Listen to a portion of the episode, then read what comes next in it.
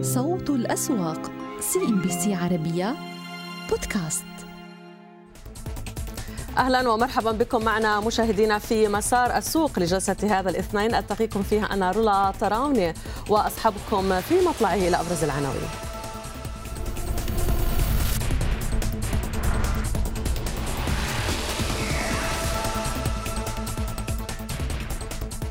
بدعم من القرارات التحفيزية لحكومة دبي. ساهم شركة سوق دبي يستعيد مستويات الدرهمين للمرة الأولى منذ أكثر من ست سنوات.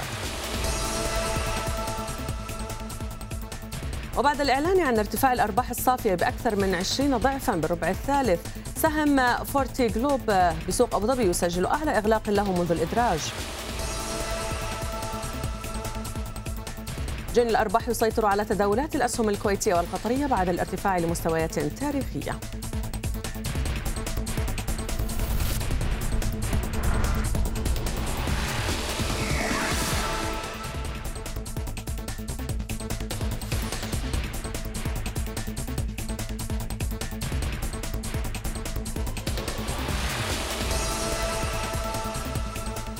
نتابع معكم مشاهدينا كيف أغلقت الأسواق الإماراتية منتهى تداول جلسة هذا الاثنين ونتابع معكم سوق دبي. من جديد يلامس 3100 نقطة بمكاسب 20 نقطة المئوية. سوق العاصمة الإماراتية أبو ظبي يرتفع بفارق 1% إلى 8181 ماذا عن النشاط وأين استثمرت دبي في نهاية الجلسة؟ ونتابع النشاط. كان من نصيب سوق دبي. سهم شركة سوق دبي يغلق على الدرهمين. هذه المستويات لم نراها للسهم تقريبا منذ ست سنوات. وأذكر دائما الشركات البورصة اللي بتتداول في البورصة عندما تطرح في السوق يبدو أنها تواجه مصير الارتفاعات سوق دبي منذ أن تم الإعلان عن استراتيجية تطويرية للسوق يشهد ارتفاع مضطرد. 139 مليون سهم مع الميل إلى ارتفاع على آه، السهم. الاتحاد العقارية يعود إلى طبعا مناخ الجني الأرباح والتراجعات دماك أيضا التي تستعد للخروج من السوق ديار. وسلامة أيضا في نشاط جلسة هذا اليوم. والربحية في دبي كانت من نصيب. الربحية أيضا في دبي كانت من نصيب سهم شركة سوق دبي المالي الذي ارتفع تقريبا ب 10% كما ذكرنا مستويات الدرهمين من ست سنوات. السلام القابض السلامة GFH ما يزال يسجل ارتفاعات ب 4.16 نقطة. والشركة أعلنت عن شرائها لأسهم خزينة في كل من سوق دبي والسوق البحريني بعكس اتجاهه اليوم في دبي. وهذه الجلسات نجد اتجاه عكسي له في سوق الكويت ويشهد تراجعات مصرف عجمان في ذيل القائمة من الأرباح. الخسائر في دبي طالت كل من الخسائر كانت من نصيب الاتحاد العقارية 5.4% لدينا الإثمار العربية للطيران والاكتتاب القابضة الكويتي. ونتابع طبعا الاتحاد العقارية يوم الغد سيشهد عقد عمومية للشركة. نتابع في سوق العاصمة الإماراتية أبو ظبي كيف بدت لدينا الصورة والمشهد بشكل عام. الدار العقارية تصدر المشهد مع جني أرباح دانا غاز. بعد الحصول على مستحقاته السهم ما يزال أيضا على مكاسب إشراق الاستثمار. لدينا طبعا فرتي جلوب كما لاحظنا يرتفع أيضا لدينا وينهي الجلسة على 3 دراهم و11 فلس. منازل العقارية شهد أيضا نشاط مصاحب لهذه الارتفاعات. أكبر الرابحين لدينا في سوق العاصمة الإماراتية أبو ظبي. نتابع الأرباح في سوق أبو ظبي وكانت من نصيب الاتصالات السودانية. آه، لدينا أبو ظبي لبناء السفن سيراميك رأس الخيمة وإسمنت الشرق والخسائر طالت لدينا في نهاية الجلسة. كل من؟ والخسائر طبعا سنتابع. إسمنت الفجيرة كان آه، ضمن التراجعات يعود إلى خانة الارتفاعات. أعتقد Response Plus 5% إسمنت الخليج Zee Stores و Palms Sports كانت جمعها إلى خسائر. وكانت قد انخفضت الأرباح الصافية لشركة الواحة Capital الإماراتية في الربع الثالث من هذا العام بنسبة 63% على أساس سنوي وصولا إلى 32 مليون درهم. في حين ارتفعت الأرباح الصافية للشركة في الأشهر التسعة الأولى من هذا العام بأكثر من 400% على أساس سنوي وصولا إلى 297 مليون درهم. كذلك ارتفعت المصاريف العمومية والإدارية للشركة في الأشهر التسعة الأولى من هذا العام بنسبة 28% على أساس سنوي وصولا إلى 194 مليون درهم. هذا وبلغت الأصول المدارة من قبل الشركة بنهاية سبتمبر الماضي 4 مليارات و100 مليون درهم. ارتفعت أرباح شركة فيرتي جلوب المدرجة في سوق أبو ظبي إلى نحو 138 مليون دولار في الربع الثالث من العام الحالي مقابل 6 ملايين و200 ألف دولار في الفترة نفسها من العام الماضي. وقد ارتفعت إيرادات الشركة بنسبة 175% إلى 866 مليون دولار في الربع الثالث من 2021 مقابل حوالي 315 مليون دولار في الفترة نفسها من العام 2020 وقد ارتفعت أرباح الشركة بنسبة 1000% إلى 336 مليون و200 ألف دولار خلال التسعة أشهر الأولى من العام الحالي مقابل 29 مليون و200 ألف دولار في الفترة نفسها من العام 2020 إذا وحول هذا الأسبوع في مطلعه كيف بدت لدينا تداولات في الأسواق الإماراتية نناقشها مع ضيفي السيد طلال طوقان رئيس الاستثمار في BHM Capital الخدمات المالية. دائما أحييك سيد طلال عندنا حوافز يعني كنا ننتظر ما يحرك المياه الراكدة. أبدأ معك بسهم شركة دبي. سوق دبي وبالتالي يبدو الأخبار عن التطورات الجديدة والإجراءات تحفز السوق للشراء عليه. هل هذا هو السبب الوحيد؟ يعطيك العافية. لا بعتقد نعم. هلا الأوضاع كلها إحنا يعني صار في تجربة سابقة تحركات مشابهة من سوق أبو ظبي. أه وسوق دبي عم نشوف يعني سوق أبو ظبي اليوم بتداول على مستويات أعلى بحوالي 62 63% بداية السنة. هلا سوق دبي عم عم عم بيرتفع وعم بيعوض جزء من الفرصة نحكي اللي كانت المفقودة على مستوى عالمي وإقليمي وعلى مستوى محلي في أبو ظبي.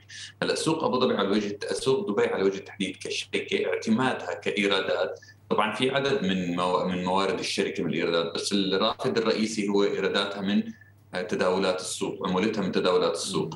فالتداولات لما تكون عم تتراوح ما بين ال 100 مليون لل 200 مليون ورأس مال الشركة حوالي 8 مليار هذا ما يعني ما ما بيعطي أي حوافز يعني خاصة إن القدرة على التنبؤ بأرباح الشركة نوعا ما واضحة وحتى أحجام التداول الآن لا تبرر أن يرتفع السهم من درهم إلى درهمين ولكن الصورة المستقبلية لأسواق دبي يعني أول شيء في لنا أكثر من عامل، العامل الأول اللي هو عوامل إنه إحنا في مرحلة اقتصادية تكسوها التعافي وبالعكس يعني التعافي أصبح مؤكد الآن مرحلة مبكرة من النمو. والجزء الثاني له علاقة أكثر بال market microstructure أو جزئيات السوق نفسها اللي هي بتدل مثل ما أنت حكى مثل ما أنت ذكرتي إنه في ركود كان في السيولة، السيولة موجودة. عرض النقد في الاسواق في مش في الأسواق في البنوك كبير جدا والمخصصات للإدخار والاستثمار أيضا نسبة جيدة ولكنها لا تتحرك. فكان الإشكال كله في النشاط. نعم. سوق دبي أكثر الأسهم طبعا كسهم منتفع من هاي من هاي الموجة اللي إحنا بنتوقعها من الإصدارات القويه اللي تنضم إلى السوق.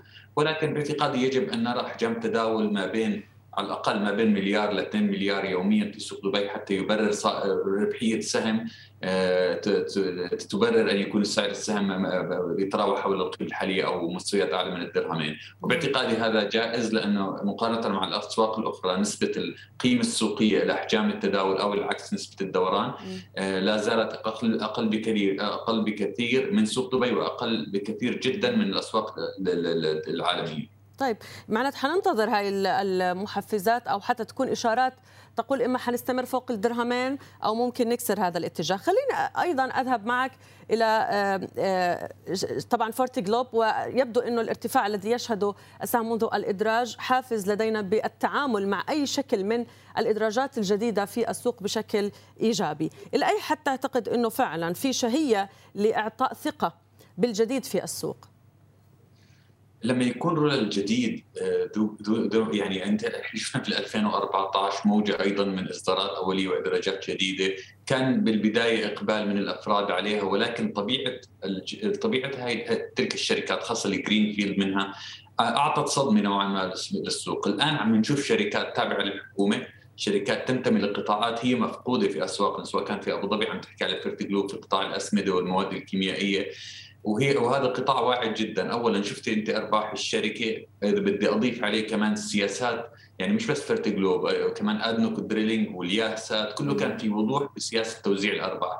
شركات مؤسسة لها تاريخ وقائمة التدفقات النقدية اللي هي إحنا عادة نهتم فيها أكثر نوعا ما غنية. يعني Fertiglobe خلال أول تسع شهور أكثر من 750 مليون دولار تدفقات نقدية جديدة، قطاع الأسمدة خاصة مواد مثل الأمونيا واليوريا هاي مواد يعني تدخل في صناعات خاصة للشركه يعني عندها صناعات نظيفة تدخل في عمليات وأنشطة مثل حتى النقل البحري ليس فقط الأسمدة والانشطه الشركة تعمل على استغلالها. ففي وضوح من ناحية سياسة إدارية لتوزيعات الأرباح تم تعديل للنصف الثاني من 200 ل 240 مليون دولار يعني بنحكي على 10 فلوس للسهم الواحد فقط في منتصف. هذا بنحكي الشركة قادرة طبعا أن تعزز هذه التوزيعات بالتالي العائد إلى الآن عندها المستويات حوالي 6.5% ففي في يعني في وضوح الوضوح وتاريخ الشركة مهم في أن تكون موجات الإصدارات الأولية والتوقيت طبعا اقتصاديا حتى يكون في نجاح. طيب. وهذا اللي شفناه خلال الفترة الماضية. شو متوقع ل... آه، لإدراج ديوا أن يفعل في السوق؟ وخاصة إنه إحنا يعني ما, ما في حدا بيقدر يعيش بلا كهرباء ومي. هذا أقل الأنشطة اللي ممكن الشركة تحصل منها إيرادات. شو متوقع؟ طبعاً. يعني أنت واثق آه، بتكون كامل إنه حتحصل الشركة مستحقاتها. فإلى أي درجة الإقبال على هذا النوع من الشركات اللي مش غامض عندها طبيعة استثماراتها بيكون أكثر ثقة؟ بيعتمد على نطاق التسعير. هذا الشيء هذا الدرجة الأولى خاصة التسعير وكيفية هيكله الإصدار من ناحية توزيع على المؤسسات والأفراد. إضافة طبعا إلى الوضوح اللي إحنا حكينا عنه في سياسة توزيع الأرباح وفي عمليات اللي هي قيادة المحللين إلى كيفية التنبؤ بالأرباح. ولكن من ناحية توقيت ومن ناحية أوضاع اقتصادية نحن في وضع مثالي. يعني عندنا الإكسبو وال, وال... وال... وال... كل هالبلاتفورمز هاي اللي وضعت وزيادة عدد السكان والزوار عم بي يعني بدل على إنه المنحنى مرتفع جدا وإضافة إلى طبيعة الاقتصاد والسياسات المالية والاقتصادية اللي عم تدعم. فالتوقيت آه، ممتاز جدا. هلأ بيعتمد على كيفية التسعير وهيكلته وعملية قيادة المحللين إلى الطريق الصحيح. نعم. فهي كلها أهم يعني حتى لو كان النشاط آه، ممتاز بهم أن يكون التسعير عادل وان يكون هناك جاذبية في العوائد المتوقعة. نعم هذا ما نتوقعه لدي واذا آه، نشكرك ضيفنا السيد طلال طوقان أنت رئيس الاستثمار في BHM Capital الخدمات المالية. يبدو أن تحسن مناخ الاقتصاد والمزاج العام في الكثير من الاقتصادات الخليجية يدفع بوكالات التصنيف لإعادة النظر في نظرتها المستقبلية. التالي هو دولة الإمارات والنظرة ستتحسن بالتأكيد حيال الكثير من البنود. مالية دولة الإمارات تتحسن وتدعم التصنيف الائتماني من قبل وكالة فيتش. نتناول أبرز ما جاء في بنود هذا التقرير والنظرة الجديدة تثبيت التصنيف الائتماني جاء ب double A minus بجدارة ائتمانية مرتفعة مع مخاطرة منخفضة جدا منحت أيضا فيتش لدولة الإمارات نظرة مستقبلية مستقرة. نتحدث عن محركات التصنيف الرئيسة مستوى الدين العام والذي ربما سيسجل ارتفاعات ولكن حتى العام 2023 قوة الأصول الخارجية أيضا وجدتها آه، وجدتها فيتش أيضا تدعم هذا التصنيف. الدعم المحتمل من حكومة أبو ظبي لبقية إمارات الدولة والذي لم تستغني في فترة من الفترات عند الحاجة عندما تكون الحاجة ملحة طبعا للإمارات الأخرى. نتحدث عن مؤشرات حوكمة ضعيفة وهذا ما سيقف ربما في وجه المؤثرات الإيجابية التي دعمت هذا التصنيف. لدينا الاعتماد على الدخل الهيدروكربوني وبالتالي يجب إعادة النظر في عملية تنويع مصادر الدخل آه، من الإيرادات النفطية والمديونية الكبيرة لبعض الإمارات تحديدا التي وجدها التقرير بدأت بتسجيل التحسن في أبو ظبي ورأس الخيمة تحديدا. توقعات فيتش العجز في دولة الإمارات. نتحدث عن ارتفاع في أسعار النفط وبالتالي ربما هذا سيدعم بالتأكيد تحقيق هذه آه، تقليص العجز بحسب كيف فيتش صنف مستوى سعر النفط. في فيتش يجد أنه مستوى 63 دولار للبرميل هو الذي يجب أن تضع عليه التقرير. ولكن سعر برميل النفط في الموازنة الإماراتية أقل من ذلك وبالتالي التوقع هو بحدوث فوائد لدينا. العجز الفعلي في 2020 كان 2.3% من الناتج المحلي الإجمالي. يتوقع في نهاية هذا العام أن يشهد تراجع في العجز ب 0.2% تحقيق فوائد في عامي 2022 و2023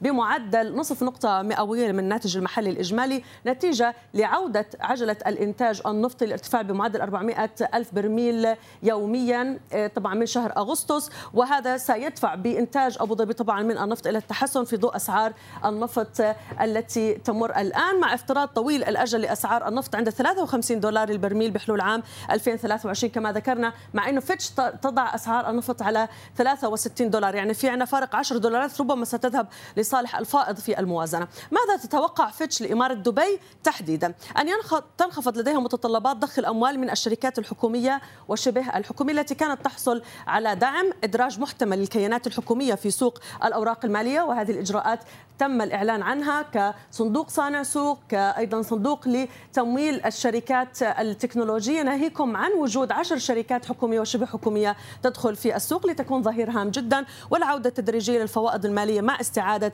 الإيرادات زخمها السابق كما ذكرنا والاعتماد سيكون على الإيرادات من الخدمات المقدمة في إمارة دبي وكذلك للمرافق التي تعطلت خلال فترة جائحة كورونا وعودة التعافي الاقتصادي الكامل. صوت الأسواق CNBC عربية بودكاست.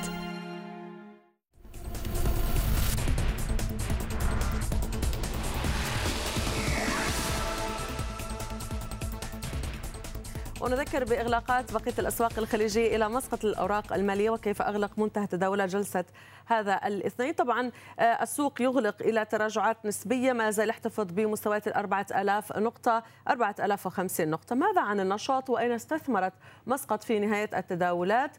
عمال الاستثمارات والتمويل على رأس القائمة نجده بحافز واضح لدينا من فترة. شركات الخدمات المالية تنشط لدينا في سوق مسقط. الشرقية الاستثمارات القابضة أيضا كان على نشاط. الباطنة للطاقة أريد لدينا آه، واجه جني أرباح وبنك مسقط القيادي أغلق اليوم على 490 بيسة بمكاسب ترافقها عمليات النشاط. ظفار لدينا ارتفع ب 10% صناعة الكابلات العماني 4 وربع النقطة.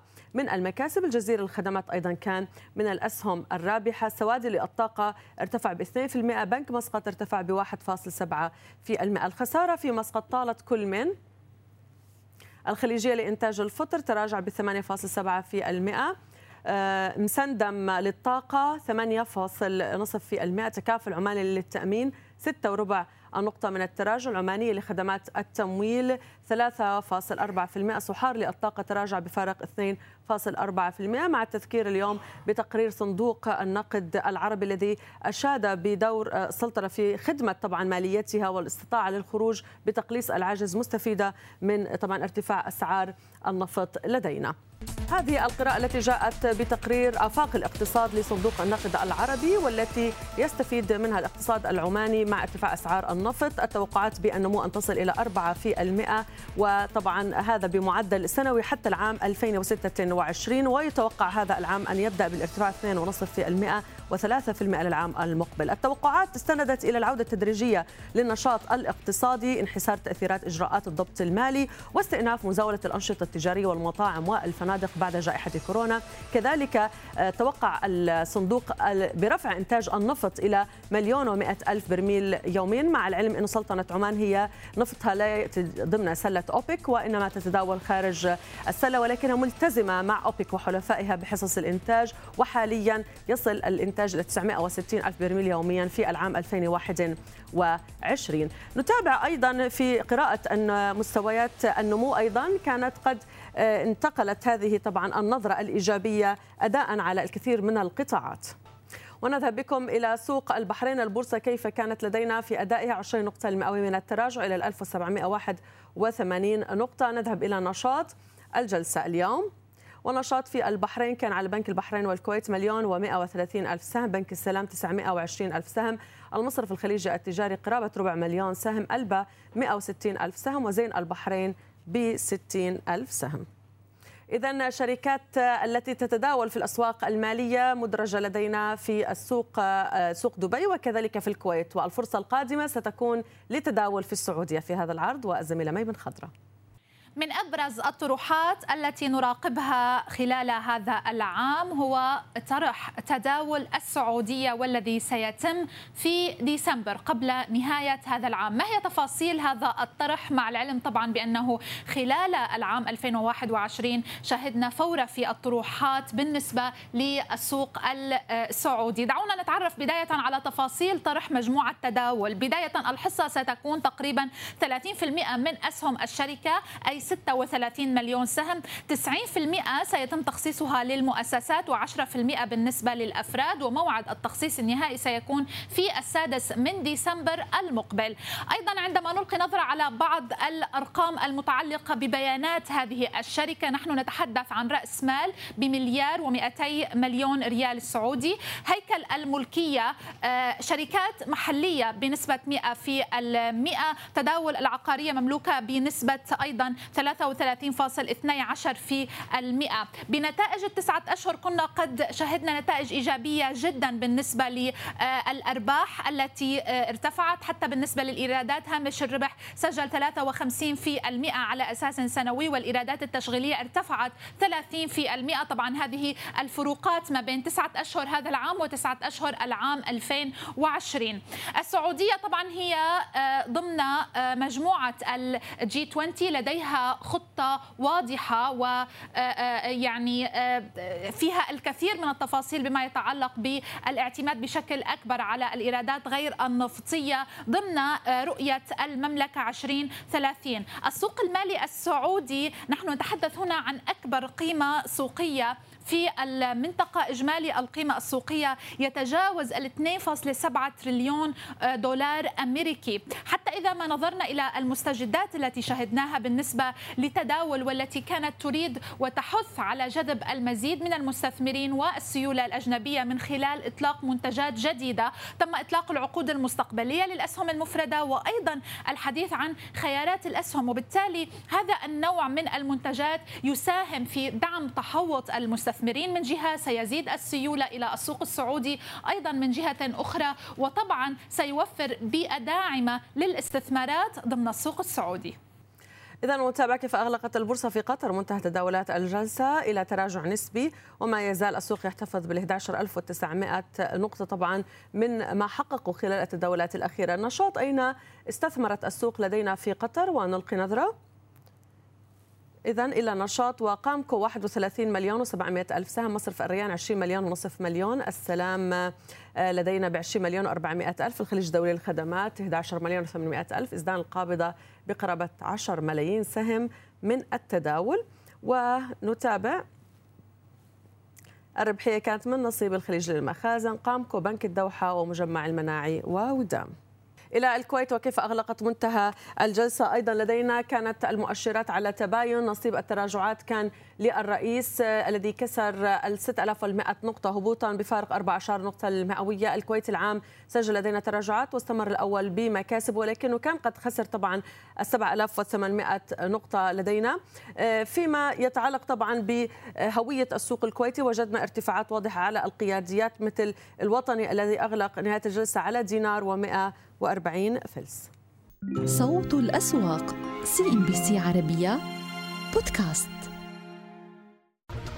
أهلا بكم من جديد. القطاع البنكي ما زال عم يعطي دعمه بالنسبة للسوق بقيادة بنك الراجح اللي عم بيقترب أيضا من مستويات ال 150 ريال. على الرغم من التراجعات اللي عم نشهدها على أغلب القطاعات في ثاني جلسات هذا الأسبوع يبقى القطاع البنكي داعم بأكثر من واحد ونصف النقطة المئوية. وإن قلصنا هذه المستوى اليوم مع نهاية الجلسة كان السوق اختبر مستويات مئوية جديدة ل 11900 نقطة بدعم من آه، القطاع البنكي. لدينا تحركات أيضا على قطاع آه، العقاري آه، والريتات اليوم ب 20 نقطة المئوية من القطاعات اللي حافظت على مكاسبها. سوق الموازي اليوم عند 25386 نقطة. كسرنا ال 25400 مع انتهاء فترة المزاد. سيولة السوق عادت لتقفز ل 7 مليار و424 وصافي البيع اليوم كان ب 415 مليون و800 ألف ريال.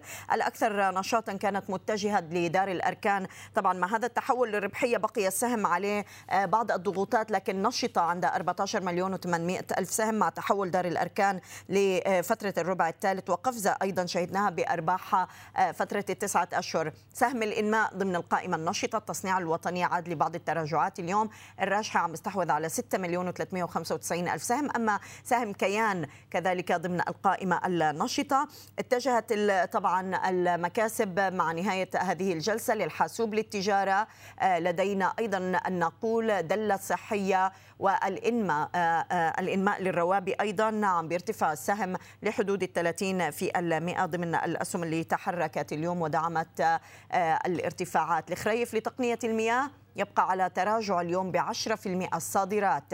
عديب للاتصالات عم يخسر 9% أميانتيت وسهم الكابلات عند 22 ريال يتراجع بأكثر من 8 و14 النقطة المئوية هذه القياديات كما تلاحظون الراجحة عند 149 40 هلا عم يقفز ب 3% اليوم. سابق عاد لبعض عمليات جني الأرباح مع اختبار مستويات ال 129 ريال عم يخسر اليوم 17 النقطة المئوية البنك الأهلي على بعض الارتفاع. جبل عمر اليوم 16 النقطة المئوية عم بيتراجع على الرغم طبعا مع سماحها الهيئة السوق المالية للاستثمار عبر الصناديق بالنسبة لغير السعوديين بالعقارات الموجودة بكل من مكة والمدينة. سهم أرامكو بقي على تراجع أيضا على الرغم من رفع الأسعار اللي شف شهدناه بالنسبة للعملاء في آسيا وهو ما دعم ارتفاع أسعار النفط. بقي السهم عن 37 50 هلله متراجع ب 13 النقطة المئوية.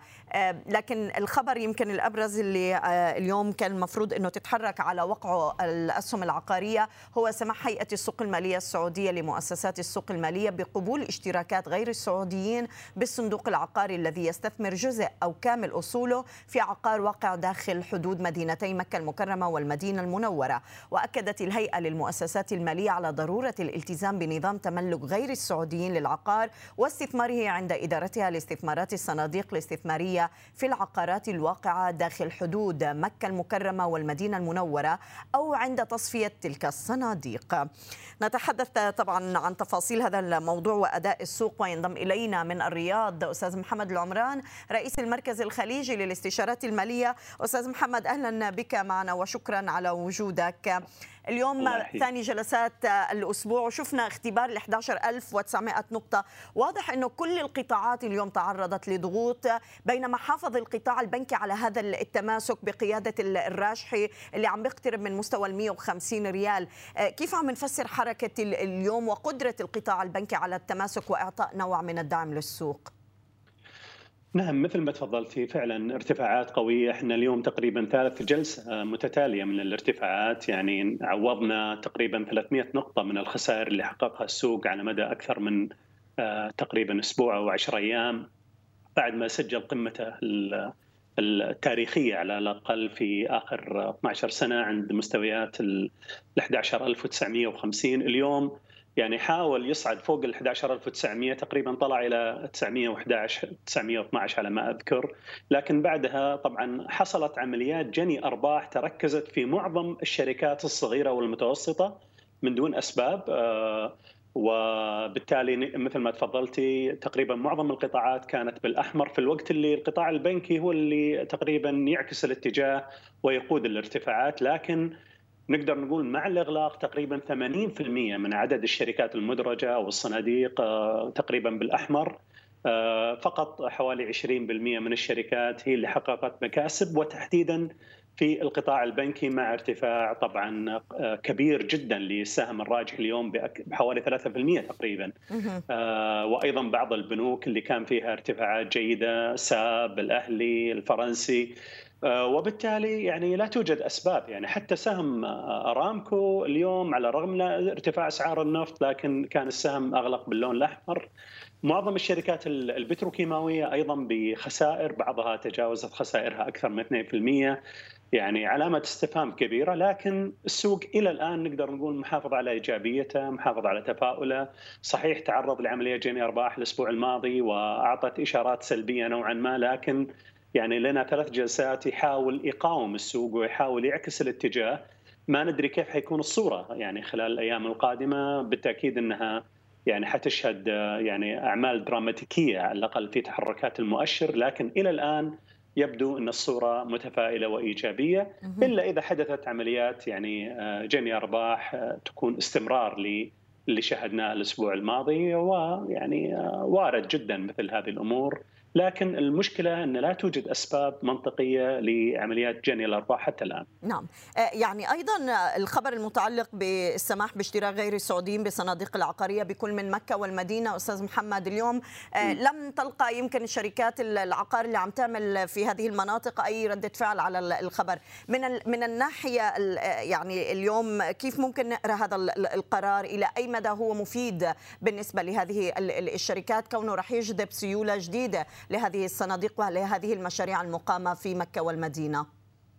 ما في شك خبر إيجابي للصناديق العقارية اللي تستثمر في مكة والمدينة ونظريا بالتأكيد إنه مفترض إنه يعطي دفعة إيجابية لاشتراكاتها من حيث حجم الأصول دخول أموال جديدة من المستثمرين الأجانب بالتحديد. وعمليا تحتاج العملية إلى وقت يعني. من الصعب إن نقيمها خلال جلسة يوم واحدة أو اثنتين. على الأقل نحتاج إلى أسابيع وربما شهور حتى نبدأ نقيم ردة الفعل الأولية لمثل هذا القرار. هناك أيضا عوامل أخرى اليوم يعني. مثلا موديز رفعت تصنيف المملكة وأعطت صورة مستقرة لاقتصاد المملكة. آه، المفترض أن هذا أيضا هذا الخبر المفروض كان يدعم السوق. آه، أيضا موضوع الطروحات الأولية وإعلان تداول يعني كان أيضا هي الأخرى يعني المفروض أنها تعزز من روح التفاؤل و يعني السوق قاعد يتوسع وقاعد يكبر إن كان كطروحات أولية وكان وإن كان لإدراجات. آه، مما يعني أن الصورة متفائلة لتوجهات السيولة ل يعني مستويات التقييم نمو الأرباح. لا ننسى أن تقريبا معظم الشركات يعني اكتملت إعلاناتها عن نتائجها المالية للربع الثالث من هذا العام وفي المجمل يعني نشوفها جيدة في الحقيقة يعني إذا نظرنا لها في القطاع البنكي بالدرجة الأولى. لكن طبعا آه، يعني لا ننسى هناك أيضا على مستوى العالم يعني مشكلات آه، غامضة نسبيا مثل مشكلة آه، سلاسل الامدادات آه، أو التخزين والدعم اللوجستي الموجود يعني لحركه نقل البضائع حول العالم. أيضا موضوع الازمه الطاقة اللي حتى الآن لم تحل بشكل كامل وإن حلت جزئيا في بعض المناطق حول العالم لكن لا تزال هناك أزمة طاقة وهذا ما يؤكده ارتفاع أسعار النفط وأيضا أسعار الغاز حول العالم، أيضا نقص الشرائح الشيبس هذه آه، ما زالت هي مشكلة تؤرق يعني الصناعات الثقيلة حول العالم الطائرات، السيارات، غيرها. نعم. مهم يعني إننا يعني بالمجمل يعني صحيح أن هناك بعض المشاكل لكن إذا نظرنا إلى الاتجاهات العامة للأسواق المالية والمحفزات لا زالت قوية جدا وتدعم المسارات الصاعدة للأسواق المالية على الرغم من وجود بعض المشكلات اللي تأثر على انسيابية حركة التجارة والصناعة حول العالم. طيب انت ذكرت ارتفاع الأسعار يعني اللي قامت به أرامكو لم يعني لعملائها بآسيا. أستاذ محمد يمكن هذا أعلى مستوى عم نشوفه من شهر سبتمبر الماضي. يعني آه، صحيح. الرفع صار لأكثر من المثلين تقريبا. آه، بالتالي هل سنرى زيادات بالفعل يمكن لأسعار النفط للعملاء لآسيا مستمرة للفترة المقبلة من قبل ارامكو والحكومة السعودية بعد قرار أوبك بلس بعملية الحفاظ على مستويات ل 400 ألف برميل؟ متوقع إلى حد كبير يعني لا ننسى إن معظم المؤسسات المالية العالمية أساسا هي من عدة أسابيع تتوقع إن أسعار النفط ممكن يكسر حاجز ال 100 دولار خلال الأسابيع القليلة القادمة يعني حتى نهاية هذا العام وهذا يعني وفقا ل آه، يعني مرئيات هذه المؤسسات العالمية حول أزمة الطاقة الموجودة حاليا في شمال أمريكا وفي أوروبا وأيضا في الأسواق الآسيوية. يعني الأسواق الآسيوية مثل ما معروف الفيضانات أثرت على انسيابية الإمدادات النفطية واضطروا يأخذون يعني مصادر أخرى بعيدة عن عن الفحم اللي هم يعتمدون عليه بشكل كبير بسبب الفيضانات اللي أثر على مكامن الفحم. أيضا في أوروبا يعني آه، عندهم نقص في الغاز وهناك مشكلة يعني بين آه، الأوروبيين وبين روسيا حول إمدادات الغاز نورد ستريم ويعني لم تحل بشكل كامل هذه الأزمة. أيضا لا ننسى أن اقتربنا من دخولنا فصل الشتاء. يعني في أوروبا وفي أمريكا الشمالية وبالتأكيد إن مثل دخول الفصل الشتاء يحتاج إلى تغيير المزيج النفطي وبالتالي هل المصانع أو عفوا المصافي هل هي مستعدة لانسيابية الطلب على المنتجات آه، وتغييرها مع تغيير الفصول نعم. كلها أمور تمثل تحديات كبيرة وبالتالي وفقا لتقارير المؤسسات المالية الدولية هناك يعني طلب كبير حيكون على الطاقة وتحديدا على النفط والغاز و يتوقعون استمرار الارتفاع في الأسعار على الأقل حتى نهاية هذا العام. نشكرك أستاذ محمد العمران رئيس المركز الخليجي للاستشارات المالية كنت معنا من الرياض شكرا لك. شكرا. ومع بدء السعودية لتطبيق منظومة الفوترة الإلكترونية في مطلع الشهر المقبل تتجه الأنظار نحو تبعات تطبيق هذه المنظومة على اقتصاد الظل. نتابع المزيد من التفاصيل مع أسيد خريسات.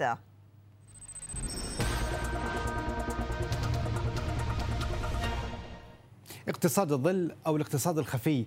هذا المفهوم ربما يكون أو يشكل الجزء الأكبر من بعض الاقتصاديات حول العالم. المملكة العربية السعودية أكبر اقتصاد في المنطقة الخليجية، كيف من الممكن أن تحارب اقتصاد الظل أو الاقتصاد الخفي؟ تذهب طبعا هناك عدة مبادرات وأيضا عدة حلول لهذا الموضوع هي ذهبت إلى الفوترة الإلكترونية فكيف؟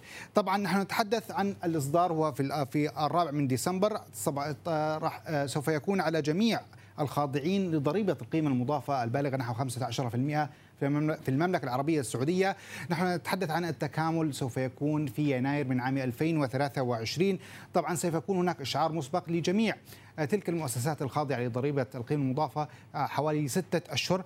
متطلبات الالتزام بالمرحلة الأولى طبعا التوقف التام عن الفواتير التقليدية الورقية وحفظ الفواتير بنظام ال QR بطبيعة الحال وذلك لمراجعتها أيضا وربطها مع الجهات التنظيمية في وزارة المالية إلى آخره أو الجهات التنظيمية الحكومية.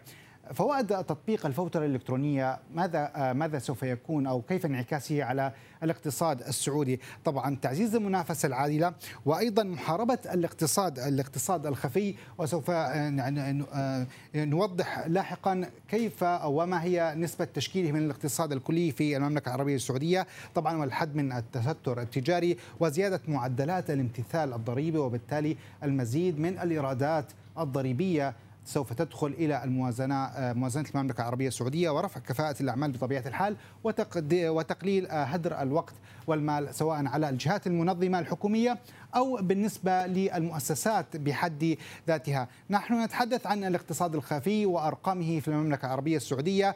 هو ارتفع من 1980 إلى 2010 وصل إلى نحو 59 مليون مليار مليار ريال. طبعا الحصة من الاقتصاد الرسمي كما ذكرت بحدود ال 60% أي ربما يكون أكثر من نصف الاقتصاد الفعلي بالنسبة للمملكة العربية السعودية.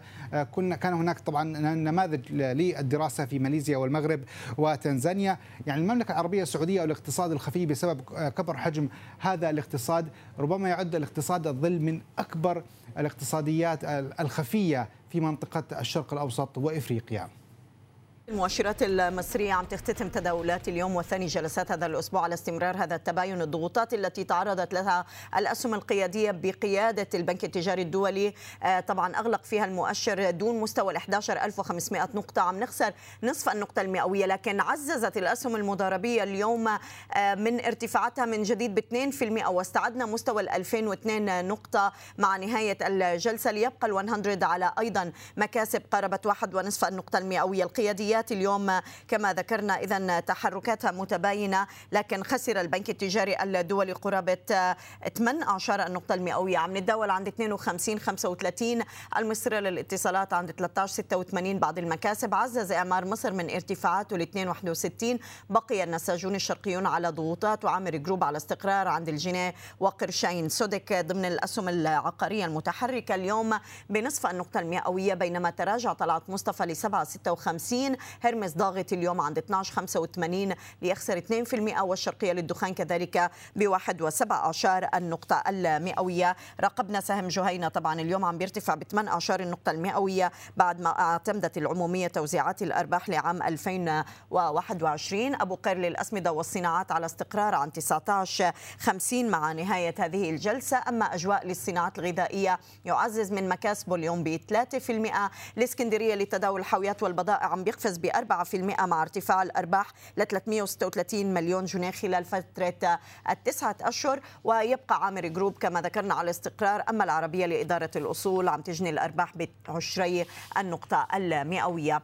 من الأخبار والنتائج التي راقبناها أيضا أظهرت القوائم المالية المجمعة لشركة المصرية لخدمات النقل Egytrans تراجع صافي الأرباح بنسبة 10.2% خلال الأشهر التسعة الأولى من العام الحالي ولتسجل الشركة 10 مليون و800 ألف جنيه مقابل 12 مليون جنيه بالفترة المقابلة.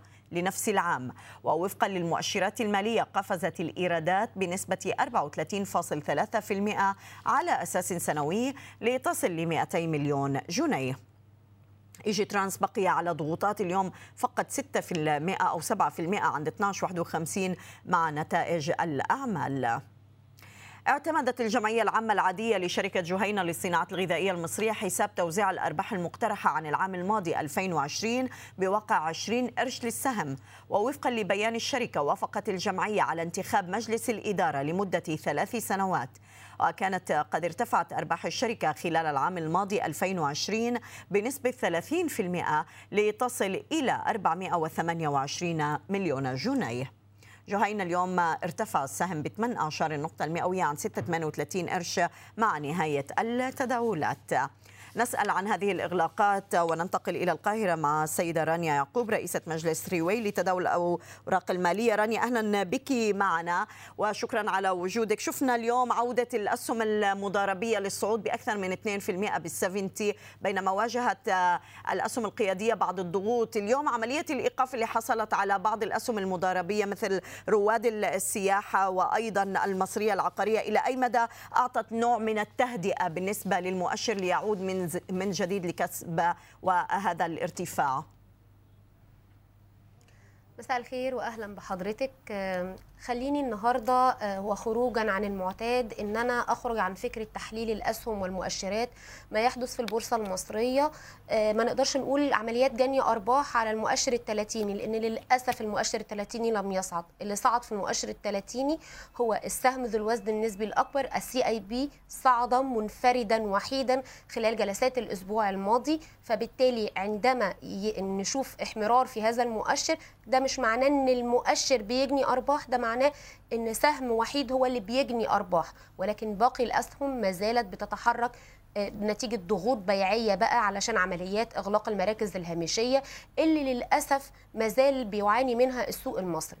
أما بقى لو جينا لل EGX 70 ورغم إن هذا المؤشر صعد في 2020 وحتى منتصف 2021 إلى شهر سبتمبر الماضي عشان نبتدي ندخل في موجة عمليات بيع وضغوط كبيرة جدا يمكن أدت إلى تبخر أموال الأفراد.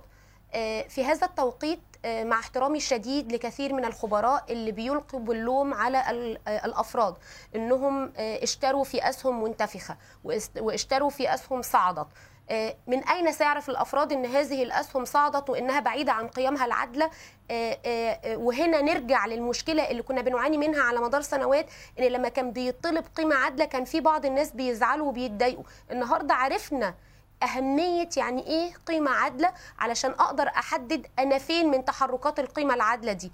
مش شرط ممكن السهم يتحدد له قيمة العادله ويصعد بس المستثمر هنا هيبقى عنده إفصاح إن في قيمة عادله للسهم وإن السهم ده صعد فوق القيمة العادلة 1000% و5000% فهنا وهو بيشتري على الأقل من غير ما يبقى دارس يعني إيه آه، المخاطر أو الدراسة العلمية على الأقل بيبقى عارف إن هو بيشتري سهم تم الإعلان من جانب آه، آه، الجهات المنظمة للسوق عن قيمته العادلة أو إن مش هي الجهات المنظمة لا مجلس إدارة الشركة أعلن القيمة العادلة.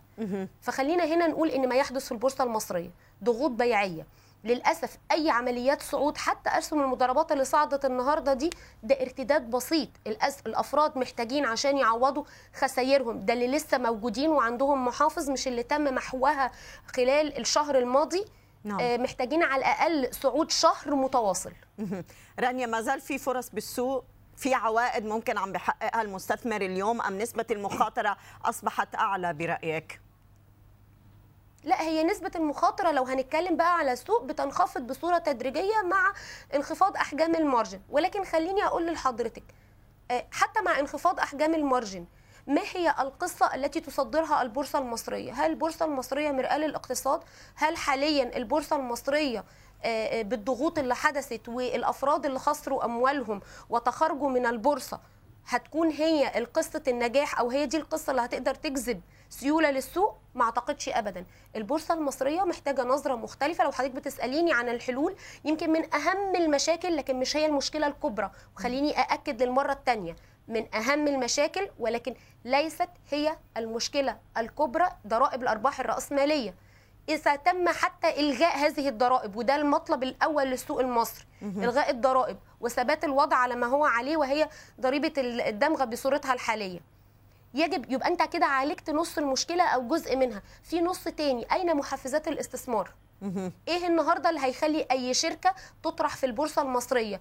إيه اللي هيخلي القطاع الخاص يطرح أسهمه في البورصة المصرية ويبتدي يستغل هذه هذا الممر كممر لتمويل شركات القطاع الخاص. طيب. إزاي هنا الحكومة واتجاه سيادة الرئيس اللي بيدعو ليه إن إحنا هنطرح شركات عملاقة هتدخل البورصة المصرية؟ أنا عايزة أقول لحضرتك إن الشركات دي أو الطروحات دي ممكن تنجح ولكن للأسف السيولة اللي هتدخل هتبقى سيولة بتمثل أموال ساخنة وهتخرج بصورة سريعة جدا بعد ما تحقق هوامش الربحية. الهدف من وجود البورصة هو إن هذه السيولة تفضل موجودة وتستخدم في إعادة تمويل قطاعات وشركات أخرى وده هيحقق عوائد أكبر للدولة. طيب وطبعا التضخم سريعا يعني إحنا شايفين الشركات كلها ما زالت عم بتعاني حول العالم من مستويات تضخم رانيا اليوم. كيف الشركات المدرجة عم تتعامل مع مستويات تضخم عالية؟ وكيف حتعالج الحكومة يعني جذب سيولة في ظل مستويات تضخم عالية؟ مما لا شك فيه إن ما يحدث هي أزمة مصدرة لينا من الخارج أو جاءت من الخارج بالطبع سنعاني منها لأن زي ما بنقول لحضرتك دي أزمة عالمية. العالم بدوله الصناعية والمتقدمة وسلاسل الإمداد في الدول الصناعية الكبرى والاقتصاديات الكبرى يمكن هتعاني من ارتفاع معدلات التضخم وارتفاع الأسعار وبالتالي ده هيؤثر على قدرات الدول النامية والنشاه بصورة أكبر. فبالتالي يمكن ما زالت هنا أو اللي هيعاني بصورة أكبر هي هذه الدول اللي تعتبر مفعول به في هذه المعادلة. قدرة بقى الحكومات على توفير سيولة على دعم القطاعات اللي هتتضرر. ده بيرجع لخطط الإصلاح الاقتصادي ويمكن مصر كانت ليها خطة رائدة في الإصلاح الاقتصادي وشفنا نتائجها في أزمة كورونا وكانت برضو توقفت سلاسل الإمداد. ولكن هنا إحنا يمكن بنواجه تحدي جديد. نعم. أعتقد إن الحكومة المصرية أمامها سياسات يجب إن هي تضعها وأكيد هيبقى في قطاعات هتحتاج دعم خلال هذه الفترة. نشكرك رانيا يعقوب رئيسة مجلس Three Way لتداول الأوراق المالية. كنت معنا من القاهرة. شكرا لك. صوت الأسواق CNBC عربية بودكاست.